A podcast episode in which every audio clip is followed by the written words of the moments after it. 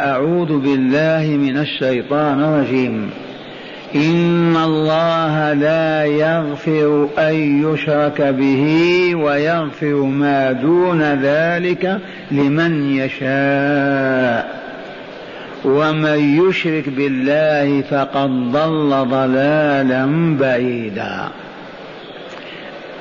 أبناء العوام وأما إخواني العوام ما بيننا الآن كبير السن مثلي لكن لا بأس عن يميني وعن شمالي واحد. هيا نحفظ هذه الآية ونرجع بها إلى بيوتنا محفوظة. أولا كلام الله وإلا لا؟ ثانيا تصلي بها النافلة طول حياتك والفريضة. ثالثا ماذا نقول؟ تكتنز هذا الكنز النوراني في صدرك حتى تلقى ربك بوفاتك. وإذا فهمت معناها وحفظتها فقد خطوت أكبر خطوة إلى ظلال العلم الوارث. ما المانع أن نحفظها؟ هيا نكررها إن الله لا يغفر أن يشرك به ويغفر ما دون ذلك لمن يشاء. ومن يشرك بالله فقد ضل ضلالا بعيدا. هل تعرفون عن علي بن أبي طالب صهر النبي وابن عمه رضي الله عنه؟ ماذا قال في هذه الآية الكريمة؟ هذه الآية الكريمة قل ما من آية في كتاب الله أعظم عندي من هذه الآية. إن الله لا يغفر أن يشرك به ويغفر ما دون ذلك لمن يشاء.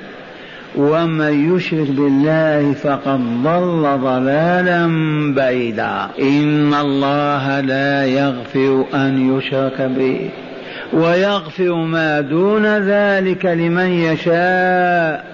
ومن يشرك بالله فقد ضل ضلالا بعيدا.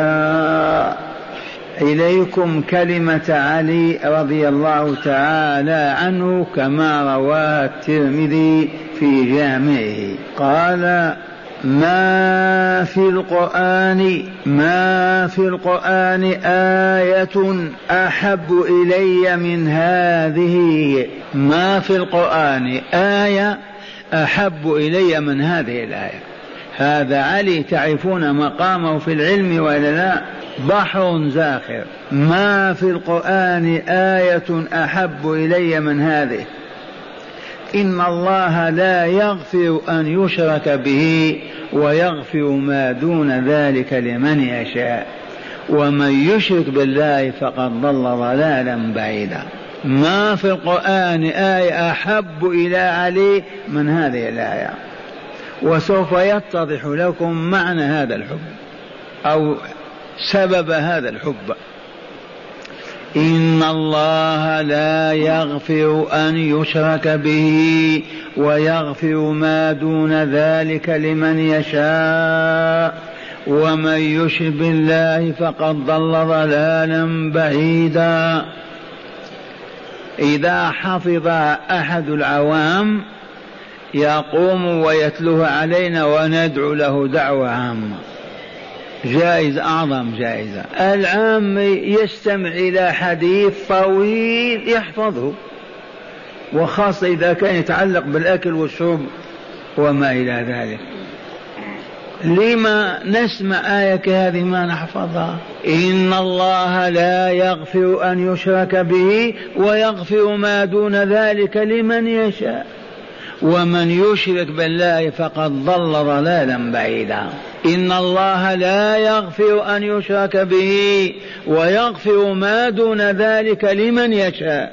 ومن يشرك بالله فقد ضل ضلالا بعيدا. من حفظها؟ أنت أنت ما أنت أستاذ؟ ما تحفظ سورة النساء؟ إن الله لا يغفر أن يشرك به ويغفر ما دون ذلك لمن يشاء. ومن يشرك بالله فقد ضل ضلالا بعيدا. قال علي رضي الله عنه ما في القرآن آية أحب إلي من هذه الآية. إن الله لا يغفر أن يشرك به ويغفر ما دون ذلك أي ما دون الشرك لمن يشاء. ومن يشرك بالله فقد ضل ضلالا بعيدا. إن الله لا يغفر أن يشرك به. زيدوا. ويغفر ما دون ذلك لمن يشاء. ومن يشرك بالله فقد ضل ضلالا بعيدا. تعرفون الضلال البعيد؟ أحدكم أراد أن يذهب إلى مكة. مكة أين توجد جنوبا؟ كذا ولا لا؟ وهو أخطأ ومشى شمالا. ومشى أربعين يوما في الشمال. هل يستطيع أن يرجع إلى مكة؟ ما يستطيع. الزاد نفد وتعب وعي ما يستطيع. لكن لو كان مشى فقط كيلو اثنين ثلاثة يوم يمكن يرجع ولا لا لأن الضلال قريب. لكن إذا كان الضلال بعيد وصل إلى أوروبا كيف يرجع؟ هلك. هذا تفسير الضلال البعيد في كلام الله. لأن الضلال القريب ممكن يرجع وإلا لا؟ لكن إذا كان ضلاله بعيد انتهى عمره وانتهت حياته. ما يعود. ومعنى هذا يا عبد الله يا أمة الله لا تتوغل في الشر والفساد في الظلم والخبث والكفر. فإن التوغل في ذلك كالضلال البعيد.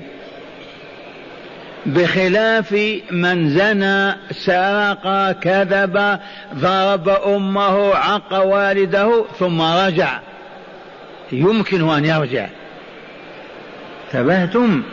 لكن إذا توغل في ذلك الظلم العام بعد العام ما ترك جريمه الا ارتكبها مثل هذا لن يعود. يطبع على قلبه تتغير طبيعته يفسد قلبه ما يصبح ابدا يؤمل أن يعود إلى الحق والخير. فلهذا القاعدة عند أهل الإسلام التوبة تجب على الفور. لا يجوز تأخيرها عام شهر وأيام. وقعت يا عبد الله في معصية الله أعلن عن توبتك بأستغفر الله أستغفر الله أستغفر الله. يمحى ذلك الأثر ولا تستطيع أن تعاوده. وإن عاودته مثلا و وأنت متهيأ للتوبة إذ ما جاء ختم ولا طبع على قلبك أيضا تتوب. أما إذا استمر في هذه الجريمة يوما بعد يوم عامين عشر سنين ما يرجع. تريدون توبة كيف؟ هنا ممكن حيث نحن جالسون كان سوق المدينة سوق التمارة بائع التمر. جاءت مؤمنة زوجها في الجهاد. فتشتري شيئا من التمر لتعيش نفسها وأولادها. فمرت بالبائع اشترت منه وأخرجت يدها فقط كفها. ما عندها قفاز لتعطيه النقود. فأعمى الشيطان ذلك العبد فأقب فقبل كفها. وقالت أما تتقي الله؟ فما الذي حصل؟ والله العظيم. وهو يصرخ وينتفي شعره ويرمي في التراب على وجهه إلى أحد. وعاد من أحد كأنه فاقد عقله. ودخل على الرسول صلاة المغرب. أراد أن يتكلم مع أبي بكر رفضه مع عمر كذلك. وانتظر حتى صلى النبي صلى الله عليه وسلم صلاة المغرب بالمؤمنين أخبره. فعرف الرسول توبته لا تعادلها توبة. فقال هل صليت معنا المغرب؟ قال نعم. فقال عليه إن الحسنات يذهبن السيئات. إن الحسنات يذهبن السيئات. أما أن يواصل الجريمة بعد الأخرى أن له أن يتوب. واسمع إلى أستاذ الحكمة ومعلمها صلى الله عليه وسلم يقول إذا أذنب العبد ذنبا وقع نكتة سوداء على قلبه فإن تاب ونزع انمحت وذهب أثرها فإن لم يتب وزاد ذنبا آخر إلى جنب الأولى والثالثة والرابعة يختم على قلبه. وذلكم الران الذي قال الله تعالى فيه كلا بل ران على قلوبهم ما كانوا يكسبون. هؤلاء ما يستجيبون لنداء الحق ولا يقبلونه. ماذا قال علي رضي الله عنه؟ ما في القرآن آية أحب إلي؟ من قوله إن الله لا يغفر أن يشرك به ويغفر ما دون ذلك لمن يشاء ومن يشرك بالله فقد ضل ضلالا بعيدا معاشر المستمعين حفظتم الآية هذه أو تعدونها رخيصة؟ والله لا خير من خمسين ألف ريال. وليسمح لي ربي إذا أنا ما ما أعطيتها حقها. والله لأن يحفظها مؤمن أو مؤمنة ويصلي بها النوافل والفرائض ويذكرها دائما وهي نور في قلبه فتبعده عن ساحات الشرك والعياذ بالله لكان خيرا له من الدنيا وما فيها. الآيتان اللتان درسناهما بالأمس إليكموهما. لا خير في كثير من نجواهم إلا من أمر بصدقة أو معروف أو إصلاح بين الناس. عرفتم؟ المناجاة الكلام السري في المخابئ في البيوت تحت كذا إذا لم يكن من هذه الثلاثة فهو باطل وصاحبه هالك والعياذ بالله. ظواهرنا كبواطننا وقد قلت لكم امس والله إن الكلام الذي لا أستطيع أن أقوله في المسجد لا أقوله في البيت. كل ما فيه أذى هو حرام. كل ما فيه رضا الله فهو حلال. وقله وتبجح به. وما كان فيه سخط ربنا إذ يحمل أذية للمؤمنين والمؤمنات فلا يحل أبدا أن تقوله لا في السر ولا في العلن. وفي الحديث حديث الأنبياء كلهم إذا لم تستحي فاصنع ما شئت. ونحن نستحي من الله أن نقول كلمة تغضبه نستحي من الله أن نجحد كلمة جحودها يغضبه فما كان حقا وخيرا قله في السر والعلن وما كان شرا لا تقله لا في السر ولا في العلن. هذا نظام حياتنا معاشر المؤمنين. لا خير في كثير من نجواهم إلا من أمر بصدقة أو معروف أو إصلاح بين الناس. والجزاء ومن يفعل ذلك ابتغاء مرضات الله فسوف نؤتيه أجرا عظيما. ألا وهو الجنة دار السلام. أي أجر أعظم من الجنة؟ هذا علمناه وعزمنا على أن نعمل به وإلا لا. لا يتناجى اثنان دون الثالث. إن من نجوى من الشيطان ليحزن الذين آمنوا وليس بضارهم شيئا إلا بإذن الله وعلى الله فليتوكل المؤمنون. يا إخواننا تخلوا عن التحزب والتجمع والطائفية والكلام السري والتآمر على بعضكم وإخوانكم. هذا ليس من شأننا. نحن أولياء الله عز وجل. أبدا. وبعد ذلك ماذا؟ ومن يشاقق الرسول من بعد ما تبين له الهدى ويتبع غير سبيل المؤمنين نوله ما تولى ونصله جهنم وساءت مصيرا هذا الخبر من صاحبه؟ الله هذا خبر يحمل حكما إلهيا لا ينقض. فمن هنا أهل القرية أهل المدينة أهل الإقليم سكنوا في جبل سكنوا في الأرض. إخوان متحابون متعاونون. لا يحل لك أن تقول كلمة تؤذي أحد منهم.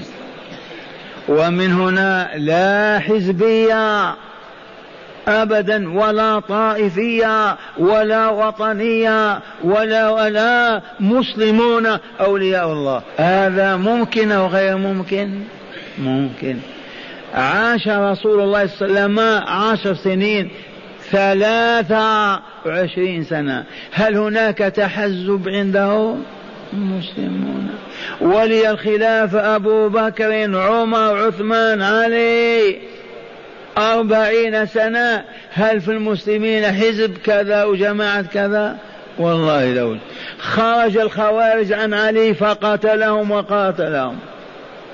وهذه الآية بالذات أحبها علي لأنها تغلق الباب في وجوه الخوارج.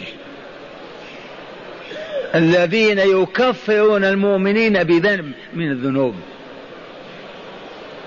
وما زالوا يتواجدون. عندهم إذا ارتكب المؤمن كبيرة زنا أو ربا أو عقوق الوالدين أو سرقة ومات بدون توبة يخلد في جهنم. خالد في النار.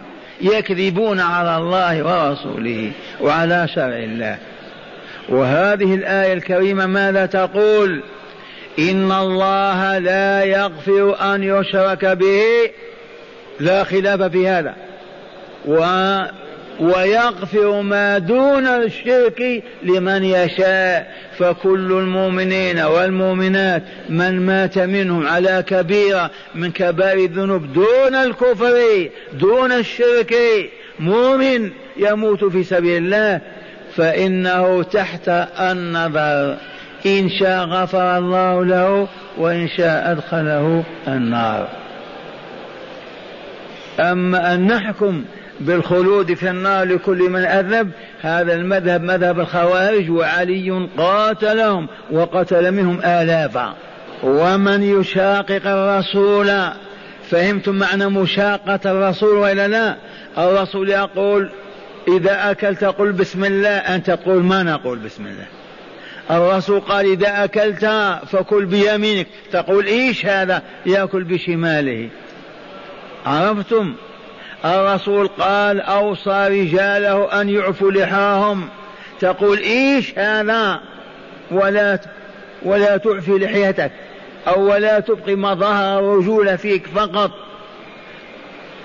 وهكذا الرسول قال صلوا عباد الله في بيوت الله في ج... وأنت تقول إيش فيه؟ وتصلي وحدك. الشاهد عندنا في مشاقة الرسول كمعاداة الرسول. عادى فلان فلان بمعنى وقف في عدوى وهذاك في عدوى أخرى. عدوة الوادي. جانبي الوادي وإلا لا هذه الجهة تسمى عدوى والأخرى عدوى. المشاقة هو في شق وأنت في شق. ومن يشاقق الرسول بمعنى يقف بعيدا عنه لا يواليه لا في فريضة ولا نافلة ولا ولا ولا.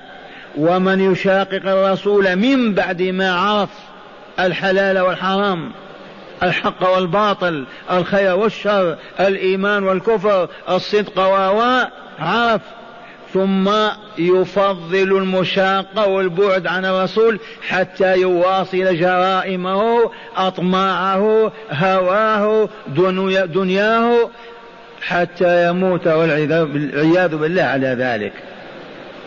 ومن يشاقق الرسول من بعد ما تبين له الهدى ويتبع غير سبيل المؤمنين. ما هو سبيل المؤمنين؟ هذا هو الصراط المستقيم الذي نقرأ في الفاتحة. اهدنا الصراط المستقيم. ما هو الصراط المستقيم؟ الطريق الموصل إلى رضوان الله وجواره في الدار الآخرة.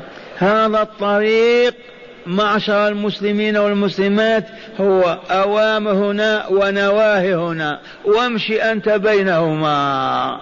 لا تهمل واجبا ولا تغشى حراما. وامشي عام عامين حتى ينتهي عمرك وتموت على هذا المنهج الرباني. أنت من أهل الجنة لا وسلام. وإن طال العمر كما قدمنا قد يكون الصراط خمسين سنة. بالنسبة إلى عمرك أنت. فإن زلت القدم واستغفلك العدو وأنت ماشي فتركت واجب أو فعلت حرام انهض على الفور وأنت تصرخ أتوب إلى الله أستغفر الله أستغفر الله وواصل سيرك حتى يختم لك بخاتم السعادة وتدخل الجنة. سبيل المؤمنين بعبارة أوضح. اسمعوا بلغوا تحدثوا بهذا الكلام مع إخوانكم مع نسائكم. كان الحبيب صلى الله عليه وسلم في مسجده هذا ويعلم أصحابه الكتاب والحكمة ويزكيهم. يعلمهم الكتاب القرآن وإلا والحكمة السنة وإلا ويزكيهم وإلا لا. كيف يزكيهم؟ يطهر قلوبهم من أوضار الذنوب والآثام والأخلاق الفاسدة والفهوم السيئة. آه من لنا يا ربنا يعلمنا الكتاب والحكمة ويزكي نفوسنا. من لنا يا عبد الله لو طلبت لوجدت لكن ما طالبنا ولا رغبنا. إن المفروض فينا الواجب علينا معاشر المسلمين على اختلاف ديارنا ولغاتنا أننا ما بين المغرب والعشاء. نجلس هذا الجلوس كما تشاهد. قم وانظر. من صلاة المغرب إلى صلاة العشاء لنتعلم الكتاب والحكمة ونزكي أنفسنا. يوما بعد يوم عمري كاملا. هل يبقى جاهل؟ هل يبقى ضال؟ هل يبقى فاسد؟ قولوا لا والله لا.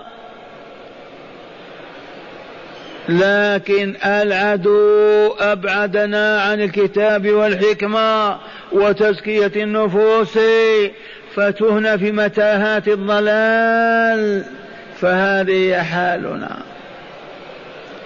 الرسول الكريم يقول وهو ينظر إلى هذا الواقع لقد افترقت اليهود إلى إحدى وسبعين فرقة. دينهم واحد. ولكن جزأوا قسموا حتى أصبح إحدى وثلاثين طائفة. إحدى وسبعين طائفة.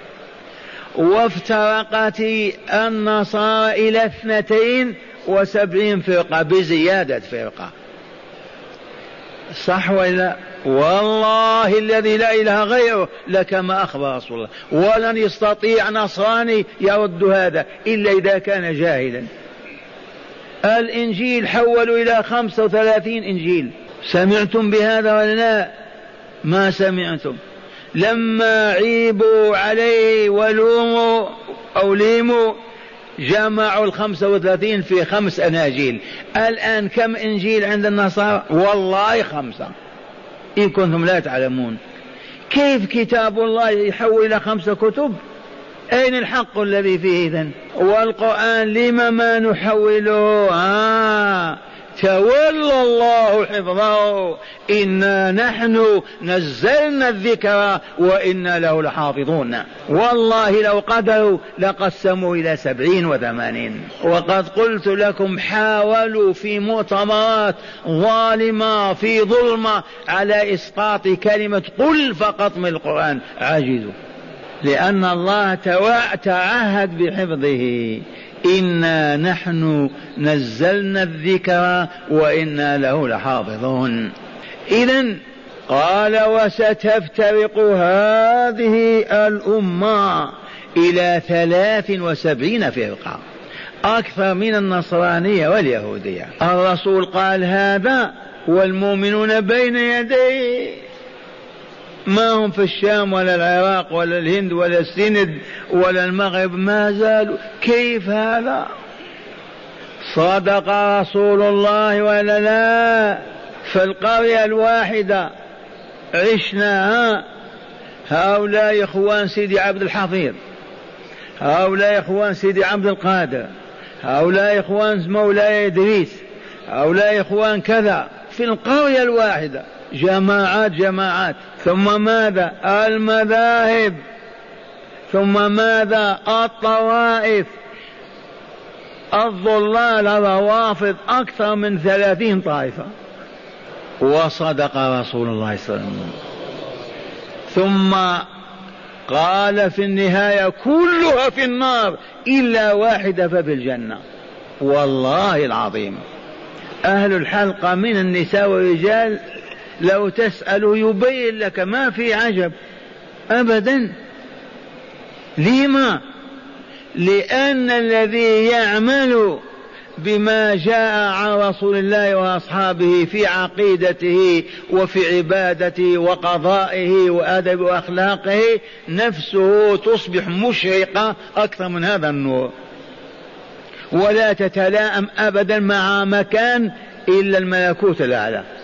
قد أفلح من زكاها. والنفس الملطخة الملوثة بأوضار الذنوب والآثام والعقائد الباطلة أن لها أن تدخل دار السلام. والله يقول إن الذين كذبوا بآياتنا واستكبروا عنها لا تفتح لهم أبواب السماء ولا يدخلون الجنة حتى يلج الجمل في سم الخياط. البعير الأروق يدخل في عين الابره مستحيل. ولا لا؟ مستحيل ولا لا؟ فكذلك ذو النفس الخبيثة المدساة المنتنة العافنة بالشرك والمعاصي يستحيل في حقها أن ترتقي إلى الملكوت الأعلى. إن كتاب الفجار لفي سجين. إذا كلها في النار إلا واحدة في الجنة. فقام أحد الصحابة وقال من هم يا رسول الله؟ وجزاه الله خيرا. الآن هذه الجملة احفظوها كما حفظتم الآية. ممكن أو ما هو ممكن؟ لو نتحدث عن البقلاوة والمشوي وكذا نحفظ هذا بسهولة. قال صلى الله عليه وسلم هم الذين يكونون على ما أنا عليه اليوم وأصحابي. يكونون على ما أنا عليه اليوم وأصحابي. ما الذي كان عليه رسول الله وأصحابه؟ العقيدة الربانية التي جاءت في آيات الله وبينها رسوله صلى الله عليه وسلم. العبادات من الطهارة إلى الحج كما جاءت في كتاب الله وبينها رسول الله صلى الله عليه وسلم. الأحكام القضائية كما جاءت في كتاب الله وبينها رسول الله. الآداب والأخلاق كما هي في الكتاب وبينها الرسول هذه هي العقيدة العبادة الحكم الأدب والخلق. حتى تجد أخاك أو تجد نفسك كأنك مع رسول الله صلى الله عليه وسلم كالصحابي. عقيدتك عقيدتهم صلاتك عباداتك عباداتهم. آدابك وأخلاقك مع الناس كأنما هم. وهذا يتوقف على الحلقة المفقودة وهو أن نتعلم أن نعرف كيف كانت عقيدة الرسول وأصحابه. كيف كانت عبادات الرسول وأصحابه. وهو يقول صلوا كما رأيتموني أصلي حجوا كما رأيتموني أحج وهكذا. فلا بد إذا من أن نتعلم لا لنتوظف لا من أجل الدنيا وأوساخها. نعمل فلاحين نعمل صناعا ولكن لا بد وأن نتفرغ ساعة في اليوم من أجل أن نعرف ما هي العقيدة التي يرضاها الله لنا. كيف العبادة كيف الآداب والأخلاق. بدون هذا التعلم مستحيل. أن تكون كأصحاب رسول الله في عقيدتك وآدابك وأعمالك وعبادتك. آه متى نرجع؟ هذا الأمر لله. إذا من هم يا رسول الله الناجون من النار؟ قال هم الذين يكونون على ما أنا عليه اليوم وأصحابي. فنتعلم كيف كان الرسول يعتقد. الرسول جيء بأمة سوداء أراد أن يعتقها مؤمن فقال له الرسول أين الله؟ قالت في السماء. قال اعتقها فإنها مؤمنة. تبهتم. المذاهب الهدامة إذا قلت الله في السماء يتمنى قطع يدك. تبهتم. الرسول يقول إن الله يضحك لعبد من عباده كذا وكذا. قل الذي يصف الله بالضحك كافر. وهكذا لم يبق لله صفة من صفاته. بحجة أن الله ليس كمثل شيء ومن شبه الله بعباده كفر وأوقع الأمة في محنة أبعدوها عن الله. اسمع بيان سريع. لا تقل الله فوق لأنك حصرته في مكان ولا تقل أسفل ولا عن يمين وعن شمال خلاصة لا وجود لله. فهمتم لنا الله عز وجل فوق عرشه الرحمن وعلى العرش سواء والرسول يصف وعرج إليه وطلع قل لا لا لا تقل في السماء. المهم يا معشر الأبناء والإخوان يجب أن نجتمع في بيوت الله في صدق ونتعلم كيف كانت عقيدة رسول الله وأبي بكر وأصحابه؟ كيف كانت كيف كانت عباداتهم؟ كيف كانت آدابهم وأخلاقهم؟ وإلا ما نصل إلى هذا المستوى؟ اذا سبيل المؤمنين هو ما كان عليه رسول الله وأصحابه.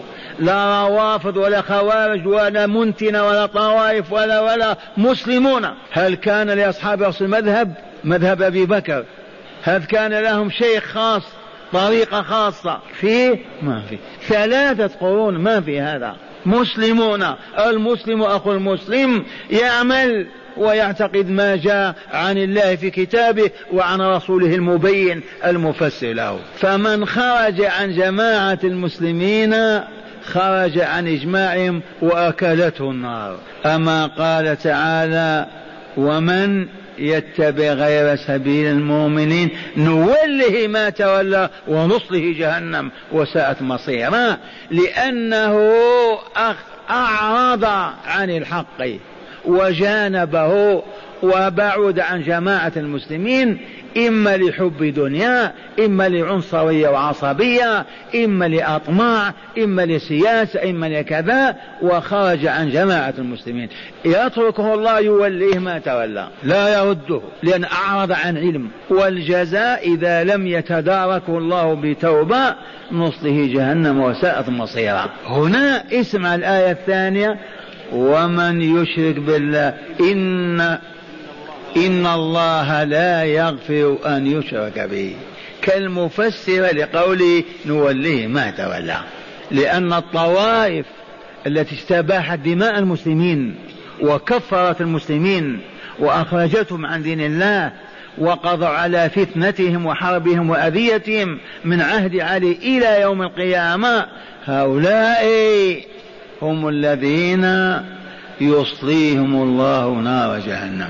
فقوله إن الله لا يغفر أن يشرك به لأن تلك الطوائف خرجت ففسدت عقائدها. ما أصبحت تعتقد ما يعتقد رسول الله وأصحابه.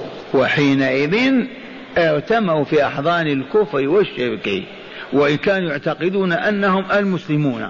وغيرهم كافر. هؤلاء يقول تعالى في هذا الحكم العظيم إن الله لا يغفر أن يشرك به. لما؟ أولا الأمر له وإلا لنا نحن.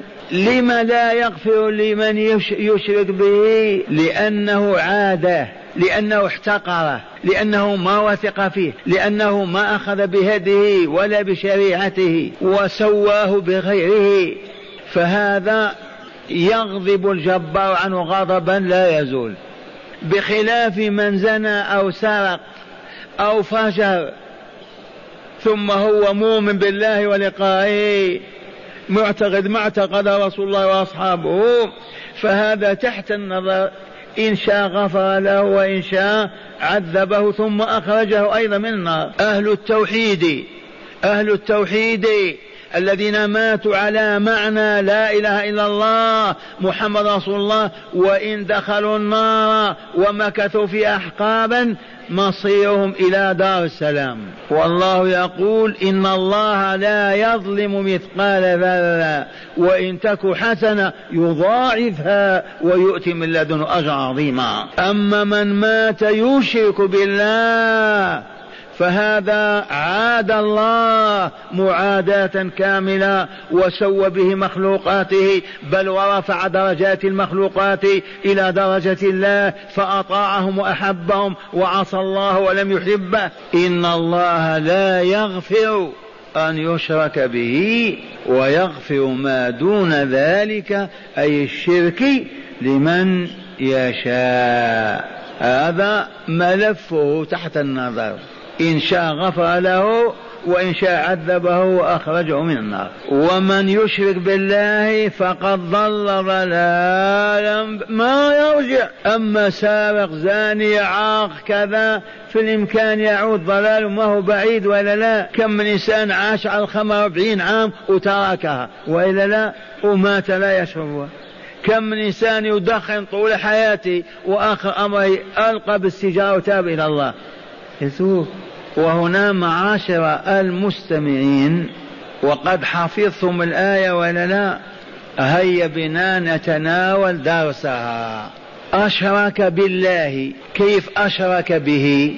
أي جعل له في عبادته شريكا. تقول فلان أشرك فلان في المزرعة أشركه في الدكان جعل له نصيب وإلا لا؟ أولا ربوبية الله عز وجل. وهي كونه تعالى الخالق الرازق المدبر لكل الكائنات. هذا توحيد الربوبية. لا يوجد من خلق مع الله ولو ذبابة أو يخلقها. لا يوجد من خلق مع الله كوكب واحد من بليارات الكواكب.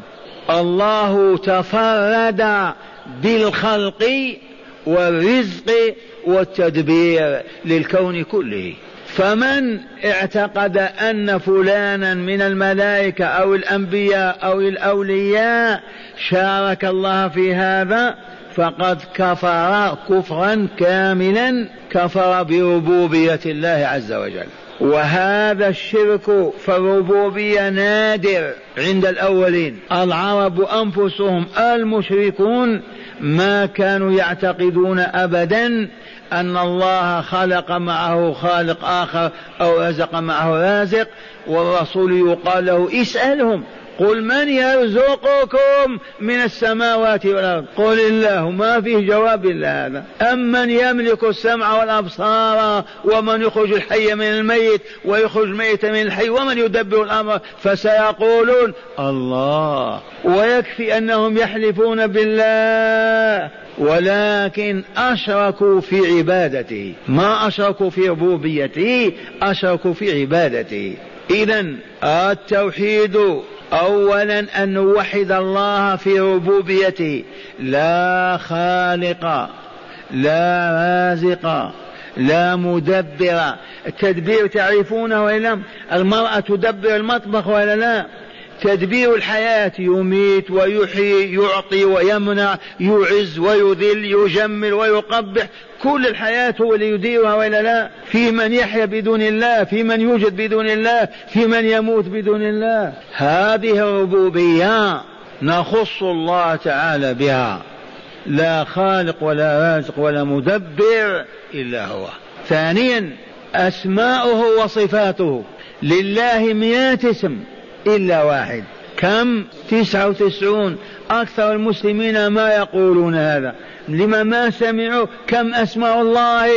إمياء إلا اسم واحد. لما ما نحفظ هذا؟ هذه الأسماء الحسنى وهي صفات علا. لا يصح أن نسمي باسم باسم الله مخلوقا من مخلوقاته. حتى ما نشاركه في في أسماء وصفاته. هل يجوز أن تسمي الله؟ أعوذ بالله. تسمي الرحمن؟ هذا الرحمن. اذا أسماء الله وصفاته. صفات الله عز وجل. اسمع الرسول يقول إذا كان ثلث الليل الآخر آخر الليل ينزل الرب تبارك وتعالى إلى سماء الدنيا القريبة منا وينادي هل من تائب فأتوب عليه هل من سائل فأعطيه سؤله هل من مستغفر فأغفر له فكل من سال واستغفر وطلب يحصل على هذا. هذا نزول وإلا لا؟ يضحك الرب تبارك وتعالى رجلين قتل أحدهما الآخر ودخل الجنة. أي كفي كبيره هذه.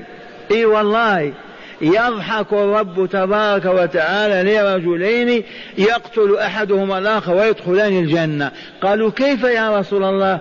قال هذا الكافر يقتل مؤمنا في الحرب في الجهاد. ويسلم الكافر الذي قاتل المؤمن فيدخل الجنة فيلتقي مع مقتوله. عرفتم؟